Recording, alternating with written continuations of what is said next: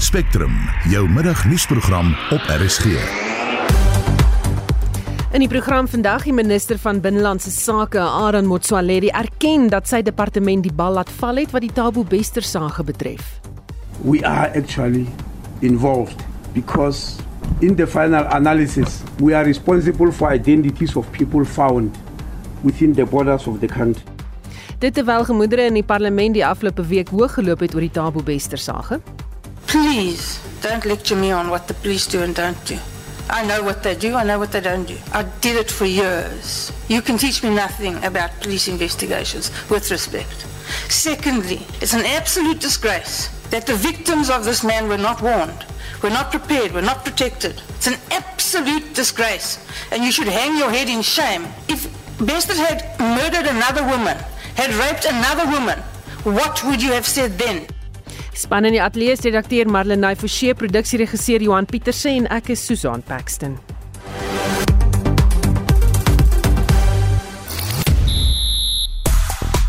Dis dag 3 van die nasionale swemkampioenskap in Berga waar Chad Leclou sy verjaarsdag weer behoorlik vier. Die dag bied 'n dubbele dosis van Sharks rugby aan. In cricket word 'n kraakvars dames toernooi vandag van stapel gestuur en Kagiso Rabada het ook gister groot geskiedenis gemaak in die IPL. 'n Volledige bulletin volg net na 12:30. Op sosiale media gons dit oor Tabo Bester en Nandipa Magudumana met 10000de tweets en een Twitter-verbruiker sê as hy luister na hoe die minister van binnelandse sake Aaron Motsoaledi Bester se gebrek aan 'n identiteitsdokument of registrasie verduidelik, lyk dit vir hom of Bester gebore is om drama te veroorsaak asof dit 'n rolprent is. Hm. Ons praat ook oor Tabo Bester en soos wat die omstandighede van sy ontsnapping duideliker word, word die vraag ook al meer. Ons wil by jou hoor eh, waaroor wonder jy? Ons praat later in die program met een van die SAIK se navorsers hieroor. Ons sal dan ook van jou vrae aan haar stel. Jy kan 'n SMS stuur na 45889 teen R1.50 per boodskap of praat saam op die Facebookblad. 6 minute oor 12 jy luister na Spectrum die veroordeelde moordenaar en verkragter Tabo Bester het vandag sy dag in die hof na sy eerste aand terug in aanhouding in die Gossie Mampuru gevangenis in Pretoria. Hy gaan na enige tyd voor Landdroshof in die Landdroshof in Bloemfontein verskyf waar die veiligheidshof verskyn eerder waar die veiligheidsmaatreëls verskerp is. En ons skakel later in die program oor na ons verslaggewer Sasha Naidu wat op die toneel is. Nou die minister van binnelandse sake Aaron Motsoaledi het die media kort tevore toegespreek oor die Tabo Bester stories spesifiek oor sy onderskeie identiteite en waar die paspoorte vandaan gekom het, waarmee Tabo Bester en Nandipa Magudumana land uit gevlug het. Hy het prontuit erken dat die departement nie sy werk gedoen het nie. The story broke out in the public. We without being conducted because there was not necessary realized that we are actually involved because in the final analysis we are responsible for identities of people found within the borders of the country. Nou vir meer hieroor sluit Estie de Klerk nou by ons aan Estie. Ja, Susan Matsoaledi sê dit was 'n nagmerrie om Bester se oorspronklike identiteit op te spoor. Slegs 2 Tabo Besters is op binnelandse sake se interne database gevind. One is a young man of 19 years that he has already presented himself to the police when he heard that there is a Tabo Bester who is wanted. So he presented himself, he said, Here I am. The police confirmed that he's not the person they are looking for. He's not the person who escaped from Bloemfontein Correctional Service Facility. We then heard from you in the media that this man is using the name Tapelo Ngwana or TK Ngwana. So we switched our search to Tapelo Ngwana because Tabo Bester was drawing blanks. And our system revealed 16 Tapelongwanas on the National Population Register, but none of them fitted the picture of the man who escaped from prison. Toe het 'n vrou in 'n televisieonderhoud egter gesê Tabo Bester is haar seun en die departement het besluit om by haar te gaan aanklop. Indeed, she insisted that she's the mother of Tabo Bester. She even gave us his date of birth and told us that she gave birth to this gentleman at Chris Hani Baragwanath Hospital on the 13th of June 1986. I've seen on several media that he was born somewhere between 1983 and 1986. He was actually born on the 13th of June 1986. And indeed, we rushed to Bara Hospital and checked in their archives. And what this lady told us is true. And the mother in the records at Chris Hani Baragwanath Hospital was recorded as Macy Bester. Die vraag wat die departement egter aan Tabo Bester se ma gevra het is hoekom hy nooit geregistreer is nie en waarop sy toe geantwoord is sy was nooit geregistreer nie. Macy Maria who gave birth to Tabo was taken at the age of 37 to Home Affairs and she was then registered there as Mabaso. In other words, she took the same name of the person who's registering her. She forgot about being a Magagula or being a Bester and registered herself as Macy Mabaso. But when you go to Baragwanath 37 years ago, she's Macy Bester. But she took over. In other words, she forgot about her mother and all that and took over her aunt's name because the aunt was the one who was registering her. So she then got registered. She then decided here and there that since I'm registered, let me register my kids also. And she registered them under the same name of the aunt, under Mabaso.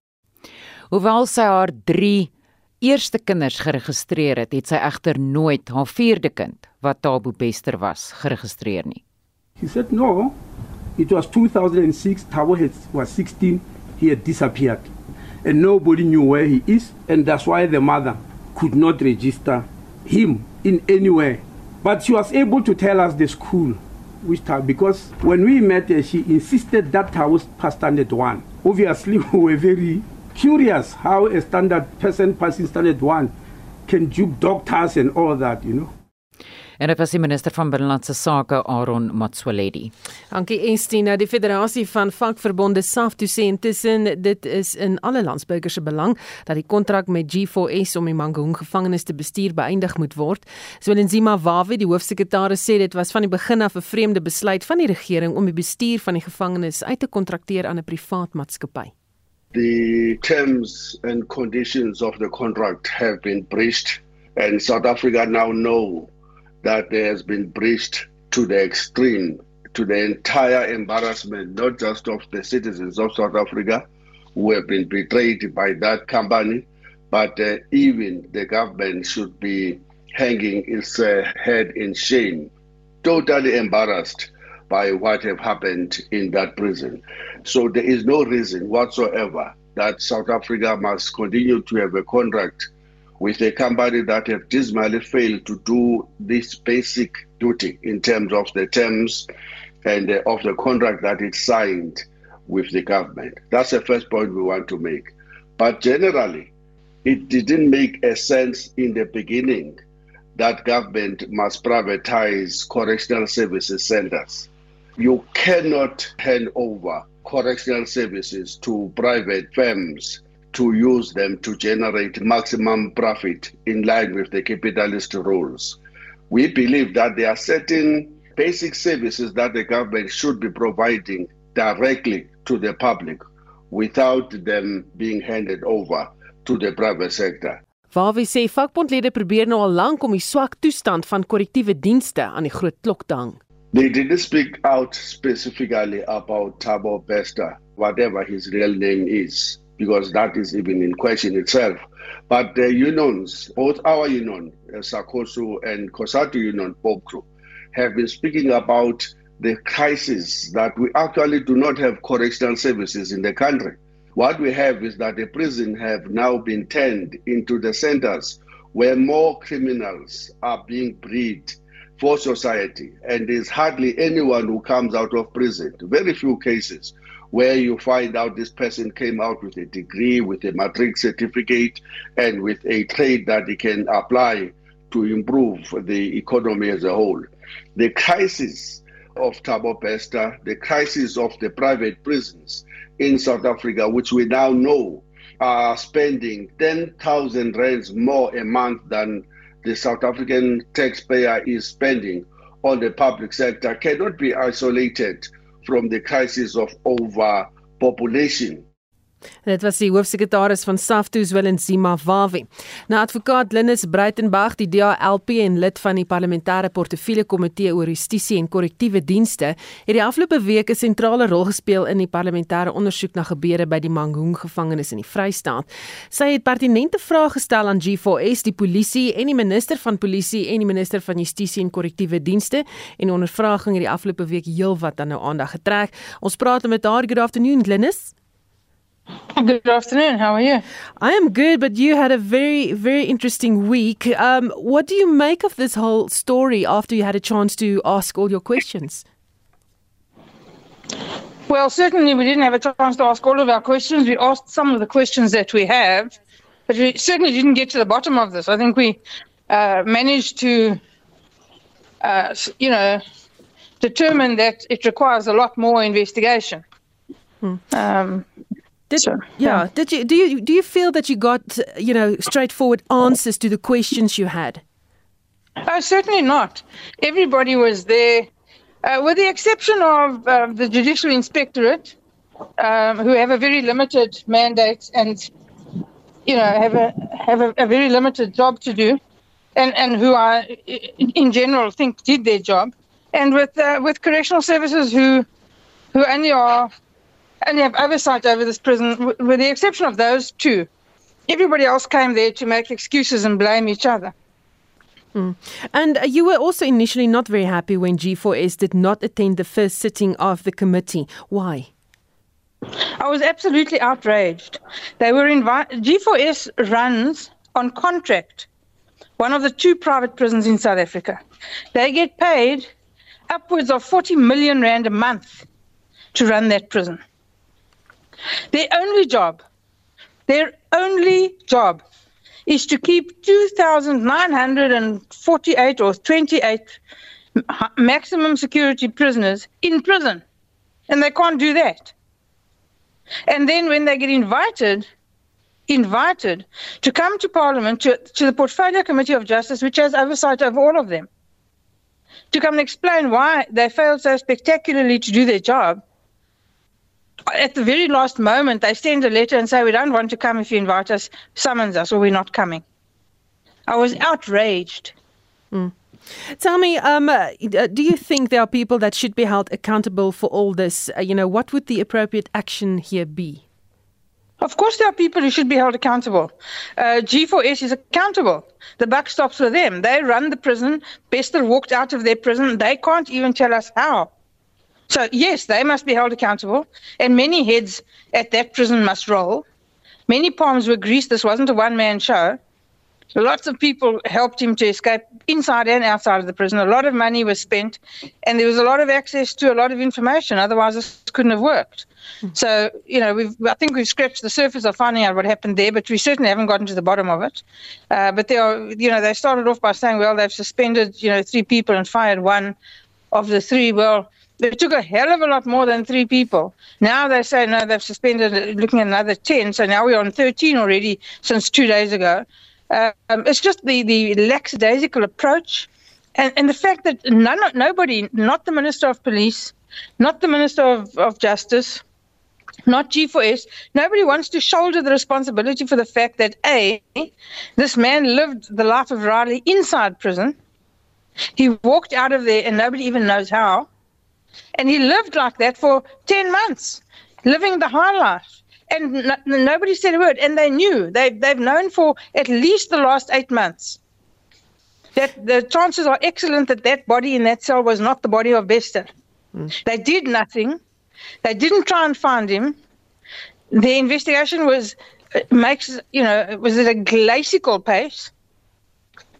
And only since Ground Up started publishing this information, and and the public became outraged with it, and we called them to this this uh, this inquiry. Only since then have people started taking all the statements they brought there were dated two days ago. It's it's absolute nonsense. It's unforgivable. Mm. It's unforgivable.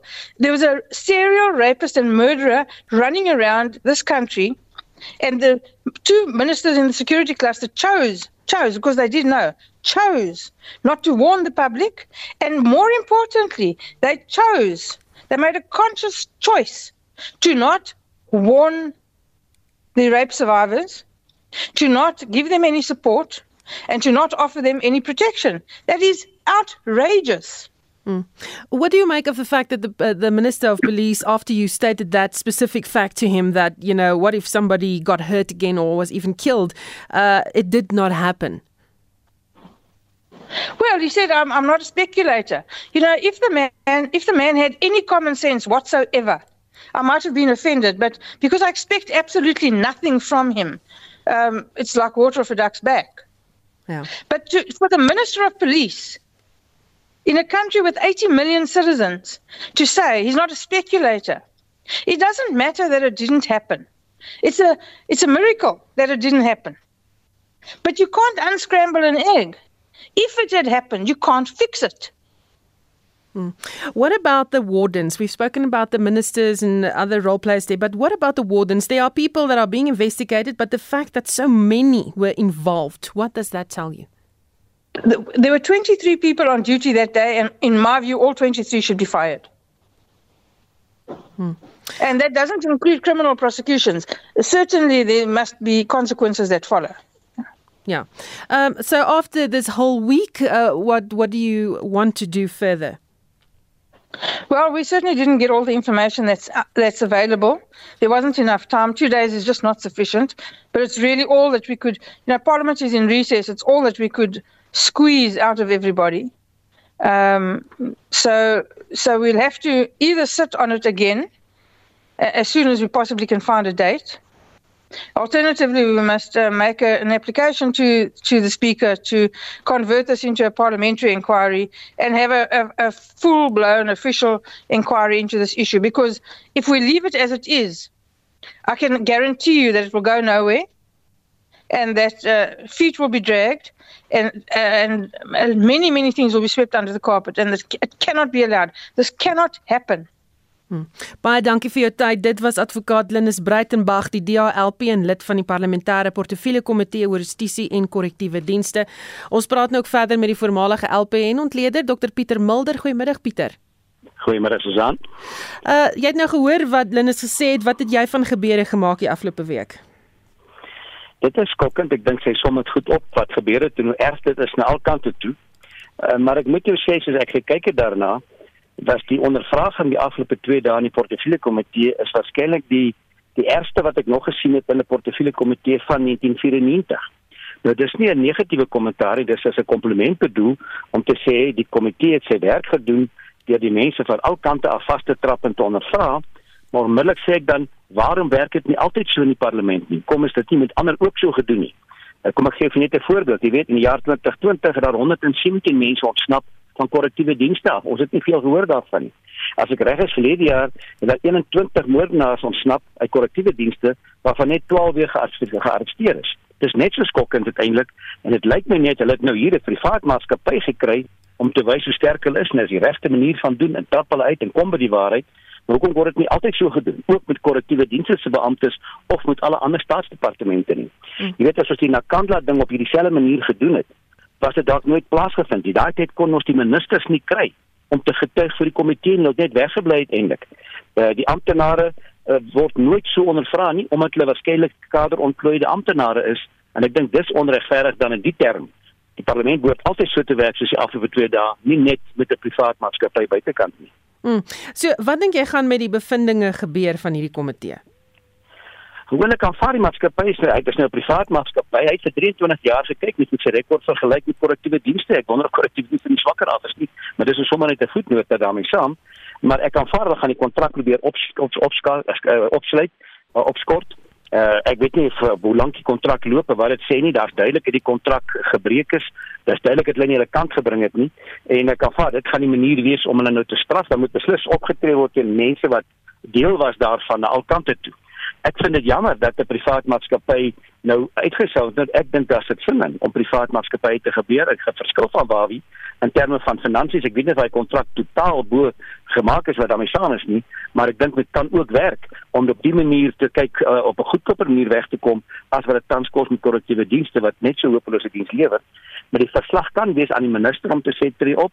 Dit kan wees dat dit 'n verslag is wat die parlement toe gaan, dat die parlement saak bespreek Uh, Glennis praat van 'n gedagte van selfs 'n parlementêre ondersoek kan gedoen word. Ek sou graag korrektiewe dienste wil byvoeg en sê kom ons kyk na ontsnappings in Suid-Afrika die afgelope ruk. Ons begin by hierdie Wester 1 en ons doen sommer die ander van korrektiewe dienste ook hmm. en probeer die gate toestop dat dit nie weer gebeur het nie en maak 'n besluit of 'n aanbeveling van die parlement dan na die departement toe. Dit sou 'n werkswyse wees wat kan werk, ja. Hoekom kry juis hierdie kwessie, hierdie storie soveel aandag?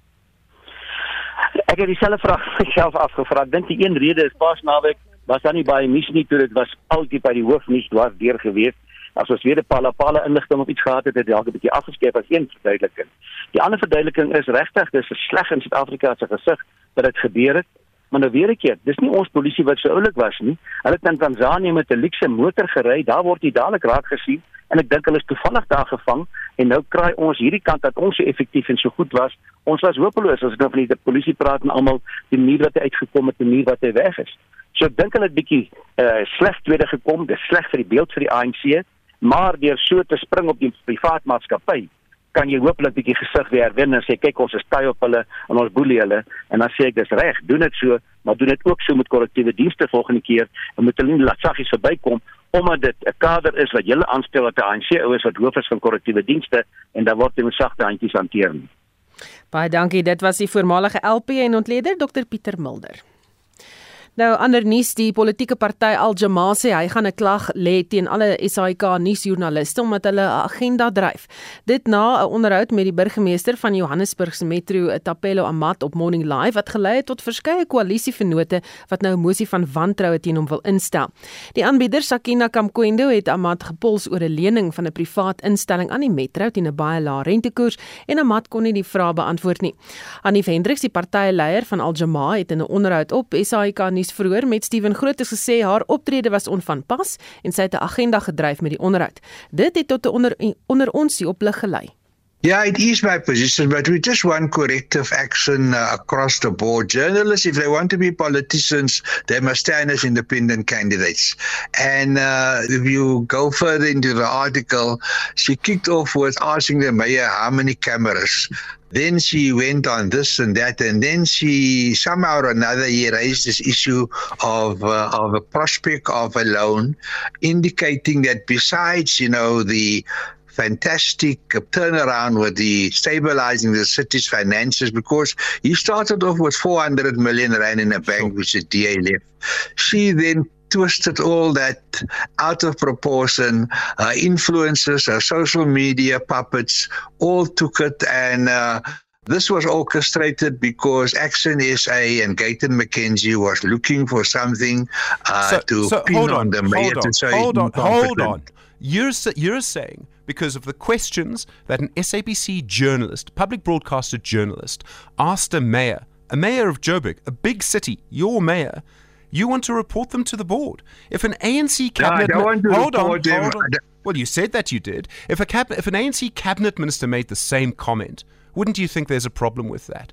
To put it bluntly, if I may just say, you've got a person, it's our job as journalists to hold people accountable. I'm sure you agree with that. Isn't that all she was doing? Look, uh, she was pushing her own narrative. If she was pushing the narrative of what people were saying and quoted these people and had them on the show, that would have been different. Nou, dit was 'n uittreksel uit 'n onderhoud wat Annie Hendriks, die partyleier van Al Jamaa op SAK nuus gehad het vroeër met Steven Grootes. Dit het gelei tot 'n onder ons die op die lig. Ons praat nou verder hieroor met die direkteur van Media Monitoring Africa, William Bird. Goeiemiddag, William. Hallo, goeiemiddag. Thanks for having me on the program. Jou reaksie op Al Jamaa se plan om alle joernaliste nou aan te kla?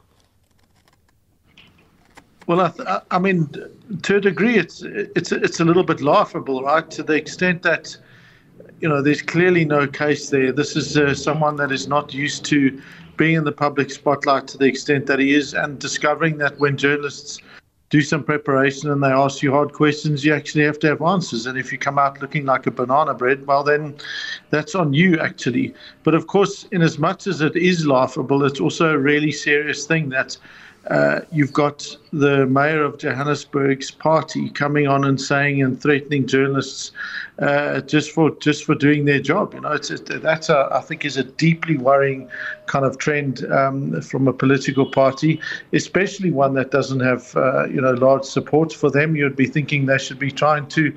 Uh, understand how the media works and getting media training for the mayor rather than, uh, you know, shooting the messenger. Sê vir my gaan ons meer van die tipe klagte sien soos die verkiesing naderkom. I think there's no doubt that we're going to see uh, escalations in this kind of attack on media. We saw um, towards the end of November 2021, after the ANC performed so poorly in the local government elections, how the ANC sought to blame the media and the SABC in particular for their for their poor performance. You know, so if the ANC is doing it, you can bet that this is going to be coming from almost every angle, and that's all the more reason why we need the media to stand their ground. It's all the more reason why it's so critical that we have a strong, independent public broadcaster, where the journalists are supported by the board and by senior management. Of course, you need a board for that uh, to occur to begin with. I think the one positive thing about what uh, Al Jamal has, has said is that they are talking about reporting it to the board rather than going directly to management, and that's quite a different tack to what you know the former minister did, where she wrote to Parliament directly even after the uh, appointment process had been completed. Hmm. Maar gaan julle as Media Monitoring Africa die verwikkelinge dophou juis omdat daar nou steeds nie 'n raad is by die SAIK nie? Yes, we'll be monitoring SABC with several BDRs in the lead up to the elections. We've done so every election since 1994, and we'll certainly be doing so again. And if there's a, an issue, we'll be raising it with the SABC. But equally, we'll be among the first to say if there's not an issue. And, and, and in this instance, there clearly isn't an issue. This is a case of a political party not having their members well prepared. Baie dankie. Dit was die direkteur van Media Monitoring Africa, William Bird. Jy luister na Spectrum. Op RSG. Later in die program skakel ons oor na ons verslaggewer by die hof waar Tabo Bester binnekort gaan verskyn en ons vra hoekom nie almal oortuig is van die 5de beleggingskonferensie se sukses nie. Bly ingeskakel.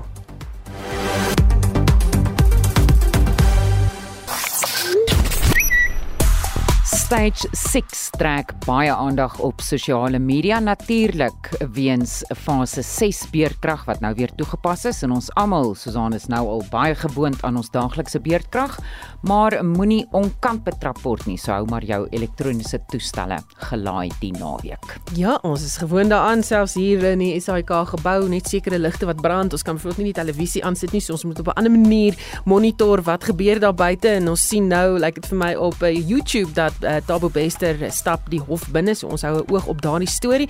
Dis ook iets waaroor ons gesels vandag en Nicoline Smalman vra die lijk wat in die sel in die brand gesteek is, uit watter lijkhuis is dit gevat en of gesteel? Sou dit die van 'n hawelose mens wees soos wat die media beweer? Moes die lijk al in alle waarskynlikheid in 'n staatslijkhuis gelê het en sou die persoon la, later as armsalig begrawe word? So sy wil graag weet wie dit was. Uh en dan Amanda Kronje wat sê waarom word so baie aandag aan net een ontsnapte gegee en nie aan al die ander nie? En hoeveel tronke in Suid-Afrika is daar mafia bendes wat inwoners help ontsnap daar vra sy. En uh, Mara Stroop wat sê of stoop eerder hoe het hulle die Suid-Afrikaanse en heel waarskynlik Zimbabwe se douane op die grens gekom? Ek dink hulle is deur Mosambiek as ek dit nie mis dit nie maar uh, dit is 'n goeie vraag. En 'n uh, klomp mense wat vra het en sê goed uh, Martie Kritzinger hoe het hy uit die sel en die tronk ontsnap? Ek verstaan hulle het gedink hy het verbrand maar waar was hy toe hulle ingegaan het? Klomp vrae wat nog uh, vir almal uh, weet pla. Ons gaan 'n bietjie later met uh, iemand gesels uh, een van ons navorsers wat die storie volg en vir ons al daai drade bymekaar gaan probeer trek.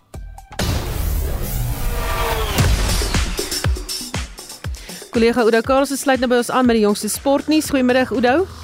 Middag Susan. Dit is dag 3 van die nasionale swemkampioenskap in Kebega waar Chadley Close sy verjaarsdagweek behoorlik vier. Ja, hy het Woensdag sy 31ste verjaarsdag gevier. Gister het hy sy 13de nasionale titel ingepalm toe hy goud in die 200 meter vlinderslag gewen het. Pieter Kotse het goud in die 50 meter rugslag gewen, uh, ook 'n wêreldkampioenskap kwalifiserende tyd. Uh, Olivia Nel, sy het 'n nuwe rekord, uh, SA rekord gestel in die vroue afdeling uh, en soos verwag het Matthew Seitz die 200 meter individuele wisselslag in net onder 2 minute gewen. Rebecca Meader, uh, sy het ook geseëvier in die vroue afdeling en het daar ook haar uh, eie SA rekord verbeter. Al die atlete het nou kwalifiseringstye geswem vir die wêreldkampioenskap wat later hierdie jaar in Japan plaasvind. Vandag se groot finale is die mans en dames 100 en 200 meter borsslag en uh, vryslag. Ja, die swemmers is net na 5 uur in die Newton Park swembad te sien in Klipberga en jy het gepraat van uh ja, alles dop op die YouTube kanale waar kan die aksie volg op Swim SA se YouTube kanaal. Dan rugby, die dag met 'n dubbele dosis van Sharks rugby aan. Ja, vanmiddag uh, half 4 is dit die Haie in die Karibeeke reeks teen die Bulle en half 7 die Sharks in die VRK teen Benetton Treviso. Uh, die Sharks is in 8ste plek in die VRK en sal heidaglik nie vir die aanstaande seit of vir vir aanstaande seisoen se Kampioenebeker kwalifiseer nie, maar 'n plek in die VRK se uitspeelfase is nog moontlik vir hulle. In ander VRK kragmeting speel die Bulls môre 1 uur teen Zebra. Die uh, Lions is 4 uur tuis teen Leinster terwyl ons besgeplaaste span is nou die verdedigende kampioene in die uh, Verenigde Rugby Kampioenskap die Stormers. Hulle draf 6 uur uit teen Munster. En dan krieket die land se plaaslike vrouespanne gaan vandag geskiedenis maak en dieselfde geld vir Kagiso Rabada. Ja, kom ons begin eers met Kagiso Rabada wat gister die vinnigste bowler ooit geword het om 'n 100 IPL paaltjies in te palm, dit na net 64 wedstryde. Die ou rekord is deur Sri Lanka en Mumbai Indians stel bowler Lasith Malinga gehou. Hy het 70 wedstryde nodig gehad om die mylpaal te bereik. In vandag se aksie speel Aiden Makram se Sunrisers Hyderabad teen die Kolkata Knight Riders. Die wedstryd begin 4 uur. En dan ons beste dames klub uh, cricketspelers kom van vandag af teen mekaar te staan in Potchefstroom in die heel eerste nasionale T20 klubkampioenskap. Dis nou vir vroue, ses spanne sal deelneem aan die kompetisie. In sokkernuus is dit kwartfinale tyd van die Nedbank beker. Pirates kom teen Dundalk Stars te staan. Dis nou 3 uur môre middag, 6 uur die aand te Stellenbosch tuis teen Mamelodi Sundowns. Sondag 3 uur die middag uh, spook Sekhukhune United dit uit teen Chippa United en Royal AM is tuis teen Kaizer Chiefs. Dis nou 6 uur Sondag aand. En dan net in tennis nuus, gons dit nog steeds na gister se rare verskynsel. Dis nou 'n nederlaag vir Novak Djokovic wat in 3 stelle verloor het in die 4de ronde van die Monte Carlo Masters. Dis nou teen Italië se Lorenzo Musetti. Die kwart eindreind uh, eindronde tans aan die gang. As ek net uh, vinnig kyk na wat daar gebeur, Rusland se Andrei Rublev uh, speel teen uh, Jan Struff en uh, Rublev het die eerste stel 6-1 gewen, maar Struff uh, loop voor in die tweede stel met 5 potte teenoor 4. Die tweede kwart eindstryd is nou teen Taylor Fritz en uh, Stefano Tsitsipas sal binne die volgende 10 minute begin daar in Monte Carlo. Baie dankie, dit was Udo Karelse met die jongste sportnuus. nou uh, 12:38 jy luister na Spectrum en ons sien Tabo Bester was in die hof by die hof verlaat uit 'n geel trui aan en hare is in 'n pony stert. Intussen praat ons met Sy van der Walt van die SAIK se navorsingsafdeling. Goeiemiddag Sya. Goeiemiddag Susan. So dit was 'n week waarin ons uh, oorval is met nuwe inligting. Hierdie storie het verskriklik baie bene. Ehm um, wat is van die belangrikste dinge wat vir jou uitstaan hier? Wel, soos jy gesê het, Susan het vandag in die hof verskyn. Ek dink dit was die eerste keer ek, ek het sommer wonderfees gekry toe ek um die die verrigtinge dophou want almal praat van hom, almal het hom op foto's gesien. Vandag het hy in die hof verskyn. Um ek kan ook net uitwy wat vir, my belangrik was vandag in die hof by hom. Hy is gaan nou saam met al die ander 4 wat in die hof reeds verskyn het, gaan hy dan um aangekla word of gaan hy dan vervolg word, maar hy gaan nie maandag in die hof verskyn nie. Hulle het gevra dat sy saak met 'n maand uitgestel word word want die polisie wil ondersoek teenoor presies wat gebeur het. En um ek dink dit is die hele ding wat of die hele kwessie wat almal wil weet. Wat het gebeur? Wie was betrokke? Hoe het hy dit reggekry? Dit is wat uitgestaan het. Daar's baie dinge wat wat nou sy kop uitsteek ehm um, was daar korrupsie gewees by die die grensposte, ehm um, migrasie, hoe die paspoorte gekry, al daai tipe van goed, maar ek dink ehm um, daai legkort gaan nou begin in mekaar pas en ek dink dit is wat baie belangrik is. Wat ook vandag by die uh, in die hof uitgekom het, daar bevestig gesê hy wil asseblief die dokumente hê wat sy sy um terugkeer na Suid-Afrika bewerkstellig het. So hy wil weet of die regte kanale gevolg is. En dan die ander ding wat hy gevra gesê het hy's baie bekommerd oor sy eie sekuriteit en dat hy die laaste 24 uur nog nie geëet het nie want hy's bang om kos te eet. Hy's bang hy word vergiftig. Um so ja, dit is dis maar van die kwessies wat my vir vandag uitgestaan het. Goed, so daar is ook agtergekom dat baie van sy hofdokumente ook nie opgespoor kon word nie. Ja, en so so soos jy sê is 'n baie baie besige week, baie die mekaar week in terme van die nuusberigte en goed wat uitkom vandag het die minister van eh, van buitelandse sake of binnelandse sake Aaron Motsoaledi het hy 'n perskonferensie gehou spesifiek gevra oor ehm um, Tabo Bester se dokumente, sy ID hy, hy het byvoorbeeld nie 'n ID dokument nie en dit het uitgekom sy maat hom nog nooit gaan registreer nie. Ehm um, en as jy iemand eh, 'n uh, kind nie registreer byvoorbeeld na 'n jaar wat hy gebore is nie, is dit 'n baie beslommernis om daai persoon 'n ID-kaart te kan gee of 'n ID-dokument te kan gee. Ehm um, so op hierdie stadium het uh, Taal Besser nie 'n ID-dokument nie en ons self het soos ek uh, ek het gister 'n bietjie met mense gepraat en gesê, weet jy ons ons het self navorsing gedoen en 'n navraag gedoen by die howe oor sy dokumente um van 2012 toe hy gevind lewenslang gefonnis is vir die moord op sy vriendin in Kaapstad, toe hy vir verkrachting gefonnis is vir 15 jaar. Daai dokumente is weg. Um die daai dis nie op die aanlyn stelsel beskikbaar nie. Ek het ingetik daar op Bester, gewoonlik kry mense dan dadelik dokumente of verwysing van van dokumente. Daar's niks op die stelsel nie. Ons het die howe gebel. Hulle het niks op rekord nie. Nou weet en mense het verskillende aliasse van hom gebruik.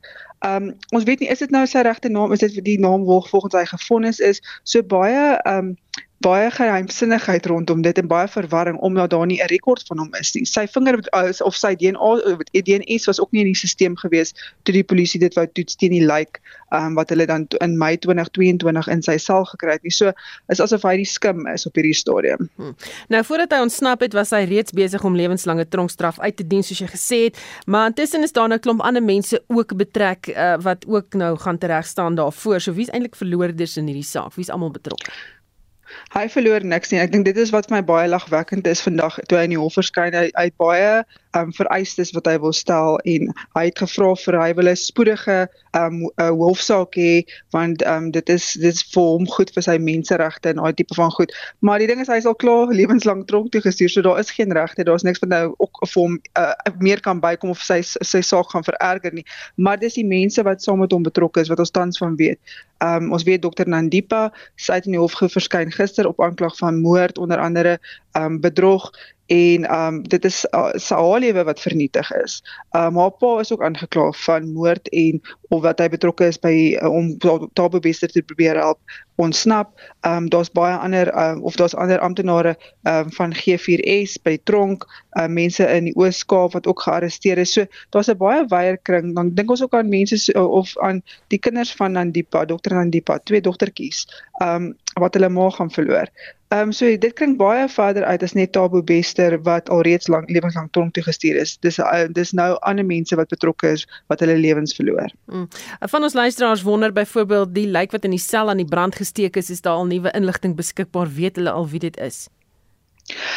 Hulle weet nog nie wie dit is nie. En wat baie interessant is wat uh, dokter Motsoaledi vandag gesê het is, minister Motsoaledi gesê het is, um hulle het 'n doodsertifikaat uitgereik vir Tabo Bester want hulle het van die patoloog 'n sertifikaat doodsertifikaat gekry dat dit hy was. Nou intussen het ons mos nou gehoor dit is nie hy gewees nie. Um daai persoon wat die lijk wat gevind is is 1.45 meter lank. Tabo Bester is 1.7. So duidelik was dit baie nie hy gewees nie al het jy nie DNA toetse gebruik nie. Hulle weet nog nie wie dit is nie. Daai lijk is deur Dr Nandipa saam met twee ander by 'n lijkhuis in um Bloemfontein gekry. En um dit was 'n glo ongeïdentifiseerde lyk. En dit is waarmee ons as navorsers en um joernaliste nou tans besig is om uit te vind waar, wie waar was die lyksys gewees? Wie was hierdie lyke? Was dit geskenkte lyke gewees? Was dit wat net iewers opgetel is wat uh, ongeïdentifiseerd is. So daar's nog steeds 'n geheimsinnigheid rondom wie hierdie mense of hierdie persoon is. Um ons weet dan die pa die die like gaan eis. Hy het gesê sy is um Wester se houvrou en daarom het sy reg tot daai like. Sy het hom gevat um na 'n uh, likehuis in um Soweto. Um maar glo sy hom nie begrawe nie. Daar was wors en ek weet nie wat alles wat sy begrawe het nie. Dit was nie like nie. So um weet nog nie wat van daai like hmm. geword nie en as jy nie like het nie dan jy nie wat nie um ehm um, bewyse of uh, iets om toets mee op te doen nie. Dan is hier nog 'n luisteraar, eh, Martie Kritzinger wat vra hoe het hy die sel en die tronk ontsnap? Sy sê ek verstaan hulle het gedink hy het verbrand, maar waar was hy toe hulle die sel binne gegaan het na die brand? Ons as ons kyk na die G4S die die wat die die bestuur van die tronk um um uh, het. Hulle het 'n verslag gedoen aan die parlementêre komitee en gesê wat hulle toe gaan, hulle het ondersoek gaan doen na presies wat gebeur het. Daar het 'n voertuig ingekom, in en uit beweeg, voertuie in en uit beweeg gedurende daardie paar dae toe Tabo Bester ontsnap het. En niemand het daai voertuie gekeer of 'n um, rekord van dit gehou nie. Die ehm um, daar was ook kameras wat afgesit is. En ons weet ook nou dat een van die wagte is nou gearresteer as hy was hy was deel van die hele komplot gewees. En wat hy ook gedoen het is hy het van die ander wagte wat daardie aand aan diens was, het hy rondgestuur om um onbenullige taakies te gaan doen. So daar is die scene of as ek so kan sê die scene is geset vir Tabo Bester om te ontsnap. So on, wat ons vermoed is dat hierdie wag het dan vir Tabo Bester uit die tronk uit sal uit gekry. Die lijk is aan die brand gesteek. Hulle het petrol en goed gebruik want daar was 'n reuk van petrol gewees na die tyd. Hy is toe in 'n in 'n voertuig gelaai. Hulle het uit die uit die uh, tronk beweeg en um sonder dat enigiemand het gesien het want daar is met die kameras is daar gepeter. Um en dit het nou maar eers na die tyd uitgekom. So dit was maar 'n 'n beplanning en 'n proses gewees maar um prosedures is nie gevolg nie en daarom het hy het, het hy reg gekry om dan uit die tronk uit te ontsnap. Baie dankie, dit was Sir van der Walt van die SAIK se navorsingsafdeling. Soos jy vroeër in die nuus gehoor het, het president Ramaphosa gesê hy is bly dat die onderneming wat hy in 2018 aan die mense van die land gemaak het om binne 5 jaar beleggings van 1,2 duisend miljard rand te kry, suksesvol uitgevoer is. Hy het gister aangekondig dat die teiken by vanjaar se beleggingskonferensie met 26% of 310 miljard rand verbygesteek is. Ramaphosa het gesê dat beleggings ter waarde van 1,51 duisend miljard rand beloof is. Hy sê vir die volgende 5 jaar siklus is die doelwit 2000 miljard rand. Maar wanneer sien sien die man op straat of selfs die verskillende ekonomiese sektore die voordele van die beleggings is die groot vraag. En ons praat nou met uh, Christo van der Rede, bestuurshoof van Agri SA. Goeiemiddag Christo. Middag Susan en middag aan al die luisteraars. Uit die landbousektor se oogpunt, hoe voel julle oor die beleggingsbeloftes wat reeds gemaak is? Weet jy, uh, dit dit klink soos 'n boer wat uh baie trots is op die lower groen aardappel blare, jy weet wat bo die grond uitsteek. Uh maar wat geen benul het oor hoe die uh alworms die uh, aardappels onder die grond verorber nie. En dit is presies die situasie waarin ons sit vandag. Uh aan die een kant uh, spog die president oor uh, die triljoene wat ingesamel word en wat beplan word om ingesamel te word. Maar aan die ander kant sit ons met uh, 32 amper 33% ehm um, uh, uh, werkloosheid uh, in die land. Uh, ons sit ook met amper en ek dink die reservebank praat van amper 250 dae wat ons in hierdie jaar uh, gaan afstaan aan aan veerkrag en dan sit ons met 'n groeikoers wat aangepas is of alwas aangepas is deur die reservebank van 1,1% na 0,3% toe. So die vraag kom dan by my op as ons dan vir die afgelope 5 jaar en nou dit was die vyfde konferensie wat gehou is as ons dan so suksesvol was met beleggings. En hoekom uh, het dit nie impak op die alledaagse lewe van mense nie? En waarom verbeter dit die situasie in terme van ekonomiese groeikoers en in terme van werkskeping nie? So uh ek dink uh, jy weet dit is een ding om aan die wêreld te verkondig dat ons het hierdie geweldige klomp geld wat invloed na die land toe maar baie van dit uh, verbeter mense se omstandighede op grondvlak. Hmm. Nou behalwe vir die kragkrisis is daar 'n klem gelê deur Ramaphosa self op die spoorvervoernetwerk wat nie werk nie en dit het weer 'n impak op wat by hawens en byvoorbeeld uitvoere gebeur. Dink jy daar word egter genoeg klem daarop gelê deur die beleggingsinisiatief? So dan ons het so 'n paar weke gelede uit die landbousektor saam met die mynbousektor met die president uh, in persoon vergader. Uh, dit was natuurlik nou aanlyn oor hierdie krisis. En ons het 'n uh, klomp voorstelle na die tafel gebring, so ook die vervaardigingssektor, die mynboubedryf en ander sektore. Almal weet wat is die probleem. Dit is nie dat die probleem nou skielik hier aan die groot klok opgehang word. Die probleme kom ons al oor tyd aan. En al wat gebeur is dit vererger net by die dag.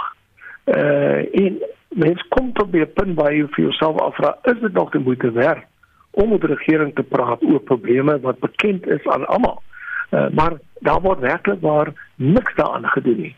Want al wat moet gebeur is jy moet die regte mense aanstel, jy moet die uh, genoegsame befondsing uh, toeken en jy moet sorg dat dit in orde gehandel word sodat ons 'n situasie het waar 'n fabriek soos Ford wat miljarde spandeer het om hulle produksielyne uit te brei amper vir 4 tot 5 dae by te aksie was as gevolg van uh, vandalisme uh, wat tot die ineenstorting van hierdie uh, oorhoofse kabels gelei het. Hm. Baie dankie. Dit was Christo van der Rede, bestuurshoof van Agri SA. Ons praat nou verder met Richard Downing, 'n ekonoom, oor sy indrukke van die beleggingskonferensie. Goeiemiddag Richard. Goeiemôre Susan. So wat is jou reaksie op die beleggingsbeloftes sover?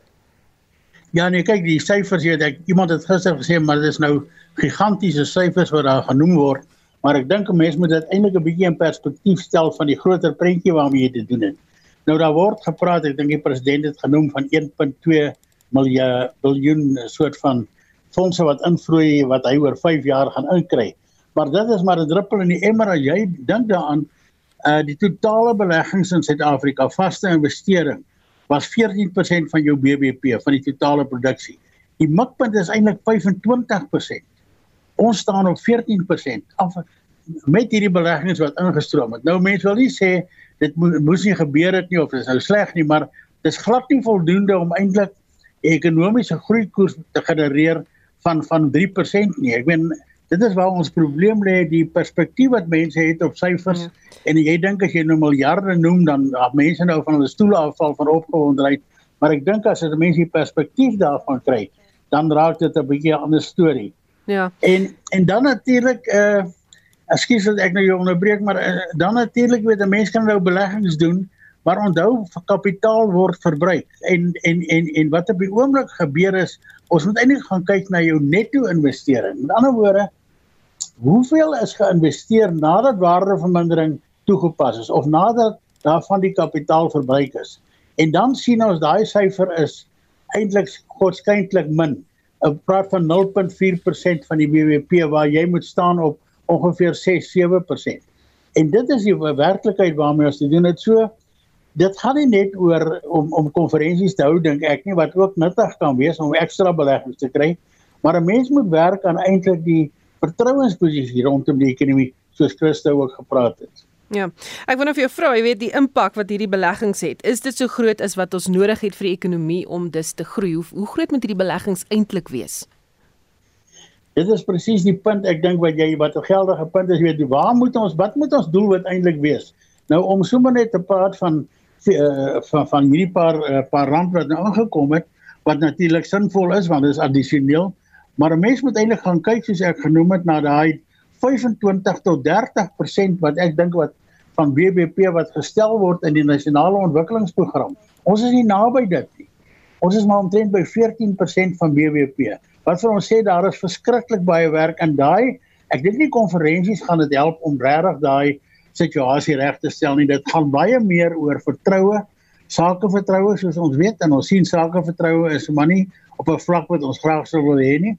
En dan natuurlik en en beleggersvertroue is eintlik die kritiese element.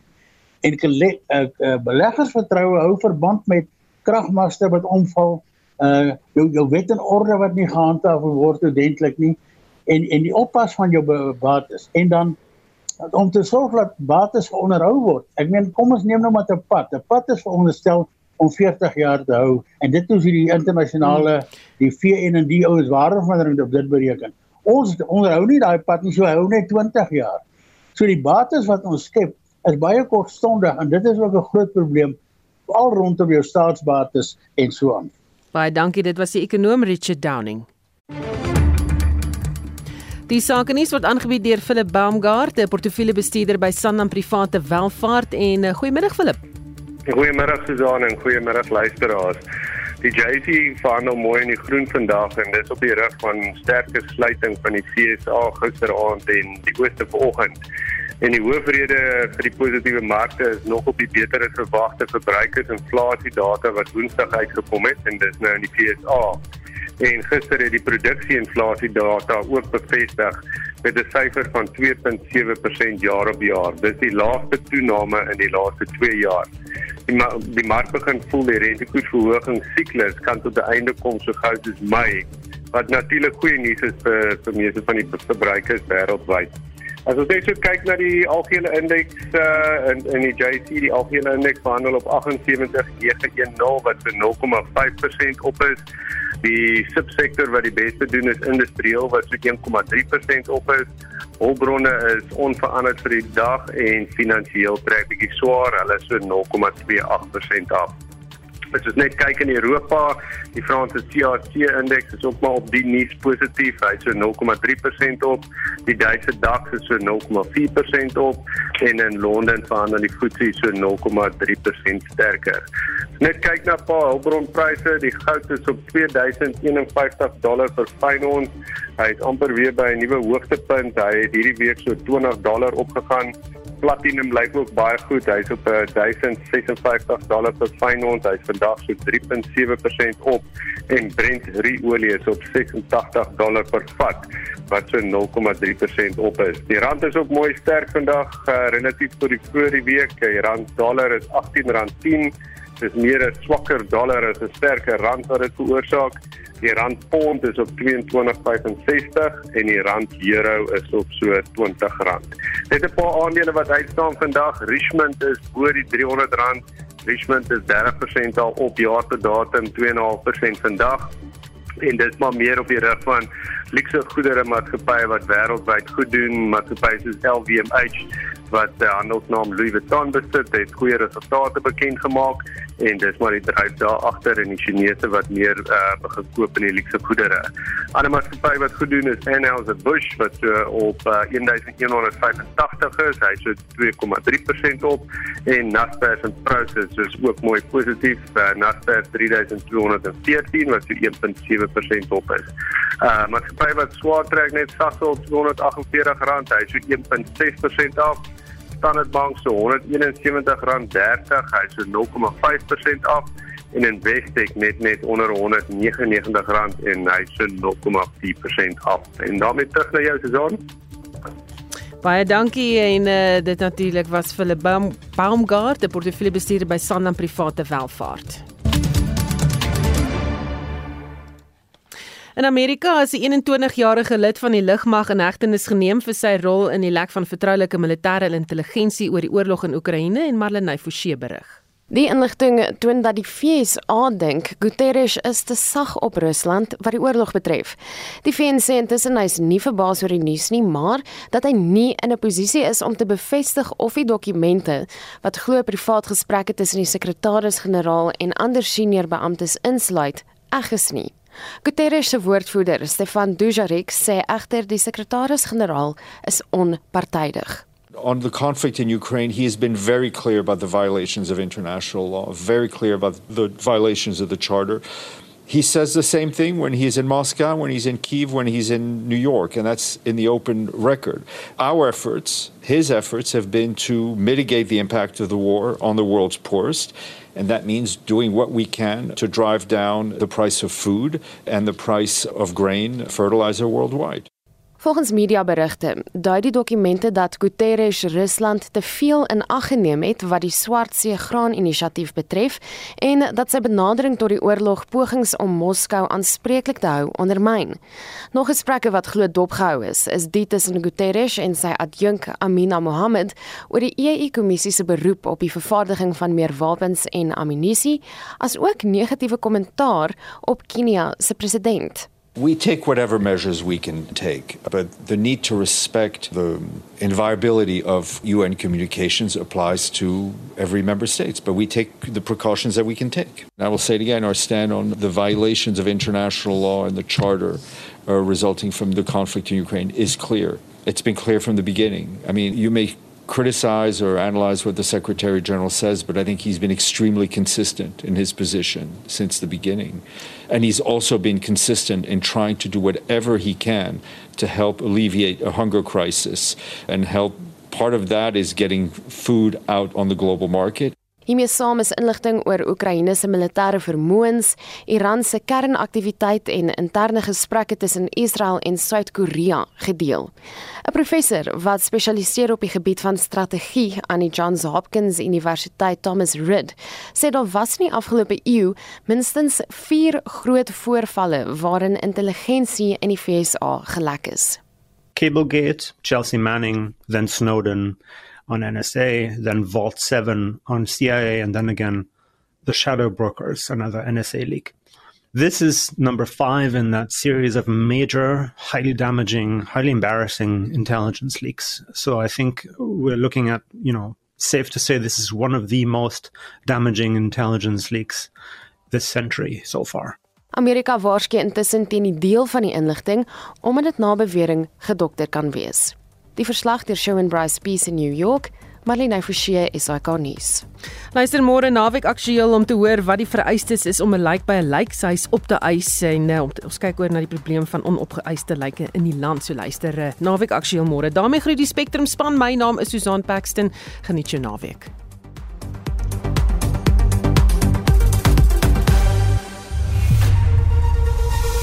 SAK nuus. Onafhanklik, onpartydig.